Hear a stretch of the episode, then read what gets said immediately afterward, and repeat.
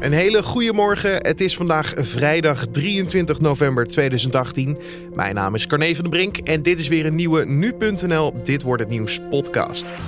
Vandaag worden Sonja en Astrid Holleder na lange tijd weer als getuigen gehoord in de strafzaak tegen hun broer Willem. Naast dat dinsdag bekend werd dat er nieuwe opnames zijn tussen Astrid en Willem Holleder, is ook een aflevering van de Willem-podcast toegevoegd aan het dossier. Meneer Holleder, uh, weet u wat een podcast is? Nou, dat is een radio die kan je aanzetten wanneer je dat wil, legde ze hem uit. En Holleder zei, ja, ik weet wel wat het is, maar ja, ik heb geen internet in mijn cel. En verder is het vandaag Black Friday. De dag die voor Amerikanen traditiegetrouw volgt na Thanksgiving Day. Waar je op moet letten tijdens dit koopjesfenomeen, dat hoor je straks. Maar nu eerst kijken we naar het belangrijkste nieuws van nu. Nederland telde in 2016 bijna een miljoen armen, wat neerkomt op 6% van de bevolking.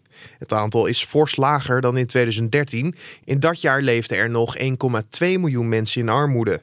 De oorzaak voor de daling is de aantrekkende economie na 2013, al dus het Sociaal Cultureel Planbureau. China heeft de bouw van een brug over de rivier de Yangtze stopgezet, omdat het zou hebben geleid tot de dood van 6000 met uitsterven bedreigde Chinese steuren. Een onderzoeksteam heeft ontdekt dat het bouwproject illegaal inbreuk heeft gemaakt op een beschermd nationaal natuurreservaat. De Chinese steur wordt met uitsterven bedreigd als gevolg van overbevissing en vervuiling. Het meest hardnekkige fileknelpunt van Nederland, de A4 tussen Burgerveen en Den Haag, gaat versneld op de schop. Minister Cora van Nieuwenhuizen van Infrastructuur trekt 80 miljoen euro extra uit voor een vierbaans A4 tussen knooppunt Burgerveen en de N14. Zo meldt de Telegraaf vandaag. De minister hoopt dat de verbreding van de snelweg niet in 2028, maar in 2024 al wordt aangepakt. Burgemeester Marco Oud van Assen heeft donderdag zijn lidmaatschap van de VVD opgezegd, omdat hij zich niet kan vinden in de huidige koers van de partij. Oud, die de partij na 25 jaar vaarwel zegt, schrijft donderdag in een bericht op Facebook dat de standpunten van de VVD de laatste tijd steeds verder van zijn waarde en mening afkomen te staan. Oud is sinds 2014 burgervader van Assen en hij zegt verder te gaan als een partijloze burgemeester. En dan kijken we naar de dag van vandaag, oftewel dit wordt het nieuws. Vandaag worden Sonja en Astrid Holleder na lange tijd weer als getuigen gehoord in de strafzaak tegen hun broer Willem. Dinsdag werd bekend dat Astrid opnieuw opnames heeft verstrekt aan de rechtbank. Het gaat om heimelijke opgenomen gesprekken tussen haar en haar broer. De jongste zus werd in juli voor het laatst gehoord. In het geval van Sonja was dat in februari. Maar wat zal er vandaag gevraagd worden van de Hollederzussen? Dat vroeg ik aan Marian Huske van de Willem-podcast. Nou, ik neem aan, er zijn van de week weer nieuwe tapes binnengebracht door Astrid dat in ieder geval uh, Willem nieuwsgierig zal zijn waarom ze dat gedaan heeft. Hij was uh, afgelopen week uh, behoorlijk getriggerd en noemde het een vies spelletje van zijn zus. Het spelletje wat hij voorspeld had. Ja, hij was al redelijk, hij was redelijk boos geworden. Ik zag het ook via Twitter voorbij komen. Waarom werd hij zo boos? Nou, hij werd boos. Het ging niet zozeer over de inhoud van die opname. Ik heb daar nog wel naar gevraagd, maar volgens de advocaat die had het alleen nog maar kunnen scannen, want het is kennelijk ook uitgewerkt weer in het procesverbaal. Uh, maar het ging gewoon meer om het feit dat zij telkens gezegd heeft dat zij alles heeft ingeleverd. En nu blijkt er weer opnieuw een bandje teruggevonden. En dat had Willem Holleder voorspeld, dat ze telkens weer met nieuw materiaal zou komen. En ja, en justitie geloofde dat niet. Die dacht dat echt dat het klaar was. Hoe verklaar jij eigenlijk dat er weer een nieuwe opname opduikt? Uh, ik denk uh, gewoon om als getuige uh, jezelf uh, toch duidelijk te maken dat jij wel de waarheid spreekt. Want op veel van de bandjes die wij zelf gehoord hebben, was op de cruciale momenten dat er zou gefluisterd worden, kon je niet horen dat er bekend werd dat Willem zei dat hij dan iemand had omgelegd. En dan werd er verteld dat hij op datzelfde moment een gebaar zou hebben gemaakt. Maar ja, dat weet je ook niet. Dat is het woord van Astrid tegenover Willem die roept, uh, ja, uh, onzin. Hoe, hoe ziet het leven van Astrid en Sonja er op dit moment uit? Uh, ik denk ingewikkeld nog altijd. Uh, ze hebben nog, nog altijd vrezen ze voor hun leven. Uh, Astrid is wel eens tussendoor bijvoorbeeld naar New York geweest, maar wel in vermomming om op te treden voor studenten al daar om haar boek te promoten. Maar ja, voor de rest, als je haar hoort in de getuigenbox, zegt ze dat haar leven een hel is. Dat, ja, dat ze niet voor de lol getuigt tegen haar broer. Nee, nee. En vandaag komt daar dus weer een hoofdstuk bij. Hoe ging dat bij vorige sessies? Hoe ging dat toen Astrid en Sonja er waren? Wat, zagen jullie en wat zag Willem Holleder en de zussen? Wij als pers en publiek zien weinig. Uh, de dames zitten in een getuigenbox. Die is afgeschermd, zit geen raam in. Althans niet aan onze kant. De rechter en het Openbaar Ministerie uh, kunnen wel in de box kijken. En een van de advocaten van Holleder kan ook de getuigen aankijken. Holleder zelf uh, kon zijn zus eigenlijk volgens mij niet, uh, niet rechtstreeks in de ogen kijken. En, en naast dat jullie natuurlijk verslag doen voor de Willem podcast, ook voor nu.nl, zijn jullie ook deel geworden van het proces. een aflevering van de Willem podcast is meegenomen in het, in het dossier. Hoe was dat moment toen jullie het hoorden?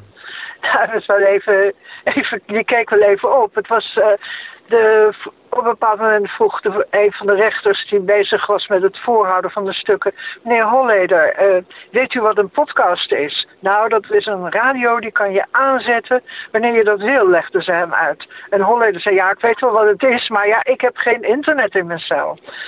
En het ging dus om een aflevering over uh, Stanley Hillis. De, waar wij op de Willem podcast uh, spraken met uh, de auteurs van het boek Koude Ouwe. En ja, wij, Harry Lensink en de jongens van het boek Koude Ouwe, Fieke Oling en Martijn Haas. Ja, met elkaar hebben we wel zo'n 30, 40 bronnen gesproken. Voor, wij voor onze stukken, zij voor hun boek. En Sander Jansen, de advocaat van Holleder zei van... ja, het werk van deze journalisten kunt u vergelijken, rechter... met het werk van inlichtingenrechercheurs. Zij praten met bronnen uh, en hebben toegang tot informatie die misschien voor de politie zelfs nog lastiger uh, binnen te halen is. Dus wij vinden dat dit echt toegevoegd zou moeten worden aan het, uh, ja, aan het onderzoek. En dus meegewogen moet worden, meegewogen, meegewogen moet worden straks als u een oordeel wil vellen over de positie van de Holleder in de onderwereld. En dan gaat het erom, wie is de belangrijkste? Stanley Hillis of Willem Holleder? Tja, of hoorden ze bij dezelfde criminele organisatie? Ja, dit wordt natuurlijk gezien als een enorm compliment. Ik hoor het je te zeggen, het is, het, is een, het is gewoon een compliment naar jullie werk en naar jullie passie ervoor en hoeveel uh, kennis jullie erover hebben. Uh, maar eh, ben je nu wel bezig met, uh, oké, we worden dus goed beluisterd en ook door de verdediging zelf. Kijk je nu meer ook naar wat je zegt of wat je aansnijdt? Pas je daar meer op of heeft dat er helemaal niet mee te maken? Nee, absoluut, nee hoor, absoluut niet.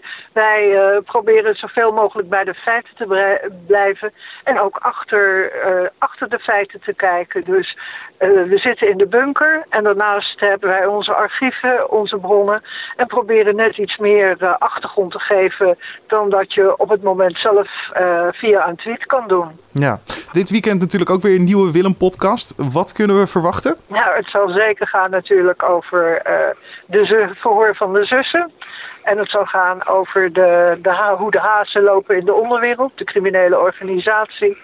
En ja, toch ook misschien even stilstaan bij waar het allemaal om gaat. Namelijk vandaag uh, af donderdag uh, was het woord aan de nabestaanden, aan de slachtoffer, aan een slachtoffer van, uh, van al die liquidaties. En dat is dan toch, ja, dat is wel indrukwekkend wat het betekent. Want de kinderen van Thomas van der Bijl en Kees Houtman waren nog jong, waren in hun puberleeftijd toen hun vader werd doodgeschoten. En dat is zeer traumatisch. Dus uh, ja, dat werd donderdag verwoord. En dat, ja, dat hakte er ook wel weer even in. Je hoorde Marjan Huske. En dit weekend kan je de Willem podcast weer op de voorpagina van nu.nl vinden.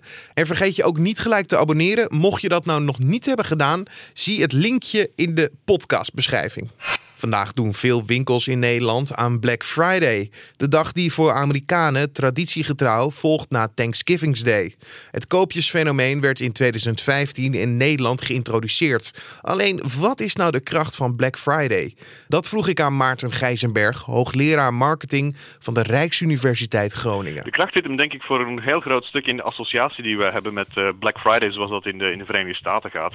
Daar heb je echt van die echt fantastische uh, kortingsacties op een aantal producten. Het zijn wel dan het aantal producten dat uh, onder die korting valt is beperkt. Waardoor het zijn, het zijn heel goede producten met heel goede kortingen, maar het aantal dat in de aanbieding is, is heel beperkt. Dus mensen die die willen hebben, die moeten echt uh, in lijn gaan staan en, en er als eerste bij zijn, want op is op. En dus die associatie met van ja, het is fantastisch en je moet erbij zijn en je moet gewoon op tijd staan, dat zorgt ervoor dat wij ook denken dat Black Friday hier, dat het ook telkens een fantastische deal is voor ons. Want waardoor komt dat dan? Waardoor komt dat wij zo ja, afhankelijk zijn van die kortingsdagen, dat het zo goed werkt bij ons? Ja, we willen allemaal eigenlijk graag wel ergens een voordeeltje houden natuurlijk. En uh, mensen zijn enorm uh, hoe moet ik het zeggen, zijn in de loop der jaren ook steeds meer promotiegevoelig geworden. Prijs uh, um, in, in die zin is, is steeds meer gaan doorwegen. En je ziet ook het hele jaar door eigenlijk bijna overal kortingsacties. En dus ja, dan, hoe moet ik het zeggen, om er dan nog uit te springen, dan zijn zo'n speciale dagen, die, die worden dan enorm gehyped, om dan nog extra te gaan uh, de consumenten overtuigen om dan te gaan kopen. Ja, want uh, wat mij bijvoorbeeld al opvalt is, uh, ik kan geen krant openslaan, geen radio opzetten of, of, of, gewoon alleen al op straat lopen zonder dat ik een re reclamecel ja. over Black Friday tegenkom. Is nou die Black Friday gekte volgens u toegenomen in de loop der jaren? Ja, zeker. Uiteindelijk, zoals ik ook al zei, Black Friday is, is, is per definitie een, een, Amerikaans ding. Dat is echt de vrijdag na Thanksgiving is daar de massale kortingsactie. Ja, Thanksgiving is by definition een Amerikaans feest. Dus het is volledig geïmporteerd en je ziet het steeds meer toenemen. En in die mate dat zelfs tegenwoordig kappers Black Friday korting hebben, wat uh, dat ook mag betekenen. Uh, maar ja, waarom doen, doen de bedrijven dit? Dat is voor een stukje, uh, ja, als ik het niet doe en mijn concurrent doet het wel, oei, dan gaat mijn klant naar de concurrent lopen. En als je het zo, zo ziet, is eigenlijk het, het, het, het aankoopseizoen van de eindejaarscadeaus, laten we het zo stellen, wordt steeds verder naar voren gehaald. Waar vroeger eigenlijk alles rond, rond kerst en Sinterklaas geconcentreerd was.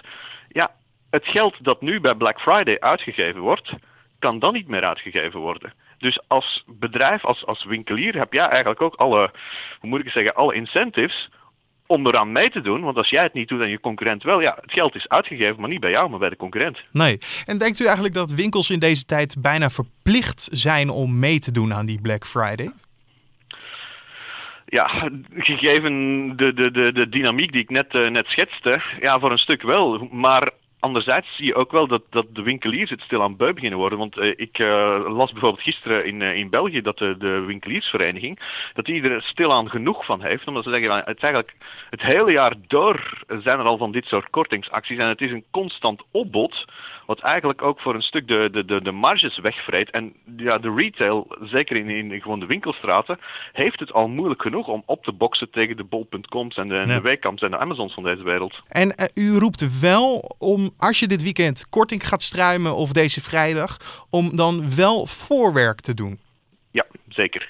En op, op twee, twee gebieden eigenlijk. Zowel op uh, het gebied van prijs is het effectief wel een goede korting. Want wat we ook vaak zien is dat in de, weken na, in de week naar zo'n evenement toe dat men af en toe al wel eens durft om de prijs wat uh, te gaan verhogen. Om dan met een kortingsactie uit te pakken die uiteindelijk min of meer in de buurt van de originele prijs hangt. Dat is één ding. En anderzijds ook van, is het inhoudelijk wel een goede deal die je doet? Uiteindelijk, het, het product dat je koopt, zijn die specificaties, zijn die echt wel de moeite? Is dat eigenlijk wat jij wil hebben of niet? En dat is, in die zin moet je eigenlijk als klant niet gek laten maken door kortingspercentages of, of, of enorme uh, prijskortingen. Uh, moet je gaan kijken van oké, wat heb ik eigenlijk nodig? Wat wil ik? En vind ik dan een product dat daaraan voldoet tegen een goede prijs op dit ogenblik? Want het kan best zo zijn dat eigenlijk er zelfs rond kerst bijvoorbeeld betere acties nog zijn. En ja. ja. de vergelijking, we hebben het er al over Amerika, Nederland, is natuurlijk ja, bijna wereldgroots. Uh, daar gaan ze in de nacht kamperen mm. om de beste aanbiedingen eindelijk in hun handen te kunnen krijgen. Of uh, gaan in gevecht met elkaar in een gangpad voor een goedkopere stilpan. Um, denkt u dat dat in de toekomst nog gaat veranderen in Nederland? Gaan wij ook die kant langzaam op? Wel, je, ziet natuurlijk ook met het feit dat, dat online steeds belangrijker wordt. En eigenlijk, het, hoe moet ik het zeggen, het equivalent online is alle mensen die uh, om middernacht klaar zitten om toch maar als eerste op de website te kunnen om te kopen. En dat soms dan daar dan ook de, de websites crashen. Want je weet ook, vaak is het inderdaad, die speciale actie is een beperkt aanbod. En dus je ziet nu inderdaad al koopjesjagers die gewoon om 1 over 12 proberen om gewoon het koopje te hebben. Dus ook online zie je dat nu al. Um, dus ja, naarmate, het hangt ook een beetje af van, van, van het type kortingen dat je gaat hebben. Natuurlijk, zoals ik ook al zei in Amerika, zijn het heel hoge kortingen op een heel beperkt aantal van elk product. Dus ja, je moet gewoon er als eerste bij zijn. Dus in Nederland, wat je vaker ziet, zijn dat de kortingspercentages toch wel een heel stuk lager zijn. En vaak ook wel eigenlijk gewoon op een veel breder aantal producten, uh, aantal, aantal items van eenzelfde product geldt. Dus het aanbod is meestal wel wat groter hier. Ja. Dus het hangt ervan af, als we daar ook richting een soort Amerikaanse acties met heel goede aanbiedingen op een heel beperkt aantal items gaan evolueren, ja, dan zal dat natuurlijk mogelijk wel in die richting gaan evolueren. Maar anderzijds, naarmate ook online steeds grotere rol gaat spelen, ja, mensen die gaan dan bij wijze van spreken het gevecht uh, doen terwijl ze in bed liggen om, om, om middernacht. Je hoorde Maarten Gijzenberg, hoogleraar marketing van de Rijksuniversiteit Groningen. De rechtbank doet vandaag uitspraak tegen de echtgenote van de voor mishandeling veroordeelde man uit Bunschoten. Tegen de vrouw is zes maanden voorwaardelijk celstraf geëist. En de officier van justitie beschuldigt de 55-jarige vrouw, Diana S., ervan dat ze haar kinderen niet heeft beschermd tegen de jarenlange agressie van haar man. S bleef vrijdag op de zitting, net als haar man eerder, ontkennen dat er sprake was van mishandeling in het diepgelovige gezin. De man zelf werd in mei tot twee jaar cel veroordeeld voor stelselmatige mishandeling van 10 van zijn 19 kinderen en het tijdelijk opsluiten van enkele. De 20-jarige vrouw, die wordt verdacht van het doden van haar pasgeboren zoon, moet vandaag voor de rechter verschijnen. De dode baby werd afgelopen april in een vuilniszak gevonden op een balkon van een flat in Schiedam. De vrouw, Wassiva Wist volgens haar advocaat niet dat ze zwanger was. Ze werd erdoor overvallen. Ook zou ze hebben verklaard dat de jongen al was overleden bij de geboorte. Het is niet bekend of er een vader in beeld is. En dan nog even het weer. De dag begint op sommige plaatsen nevelig en bewolkt. In het zuidwesten is er kans op een spatje regen, maar op de meeste plaatsen blijft het droog. In sommige regio's wordt het in de loop van de dag vrij zonnig en het wordt vandaag tussen de 8 en 9 graden. En om af te sluiten nog even dit. Acteur Dick van Dijk heeft naar eigen zeggen 4000 dollar aan Walt Disney betaald. Voor een van de twee rollen die hij speelde in de film Mary Poppins uit 1964. Dit verklapte hij in een interview met het programma 2020 van ABC. Van Dijk speelde in het origineel de rol van schoorsteenveger Bert, maar daarnaast ook de rol van bankier Mr. Dawes Sr. Ik ben naar Walt toegegaan om te vragen of ik die rol mocht doen. Hij wilde de rol niet aan me geven en toen heb ik gezegd dat ik het gratis wilde doen. Maar uiteindelijk heb ik hem 4000 dollar gegeven. En of de acteur spijt heeft, daar hoeft hij niet lang over na te denken, want hij reageert met een simpel antwoord: ik zou het zo weer doen. Dit was dan de Dit Wordt Het Nieuws podcast voor deze vrijdag 23 november. Je vindt deze podcast natuurlijk elke maandag tot en met vrijdag om 6 uur ochtends op de voorpagina van nu.nl. En je kan ons laten weten wat je van deze podcast vindt. Dat kan je doen via een mailtje naar podcast.nu.nl of een recensie in iTunes. Mijn naam is Carne van de Brink. Voor nu een hele mooie vrijdag, een fijn weekend en tot maandag.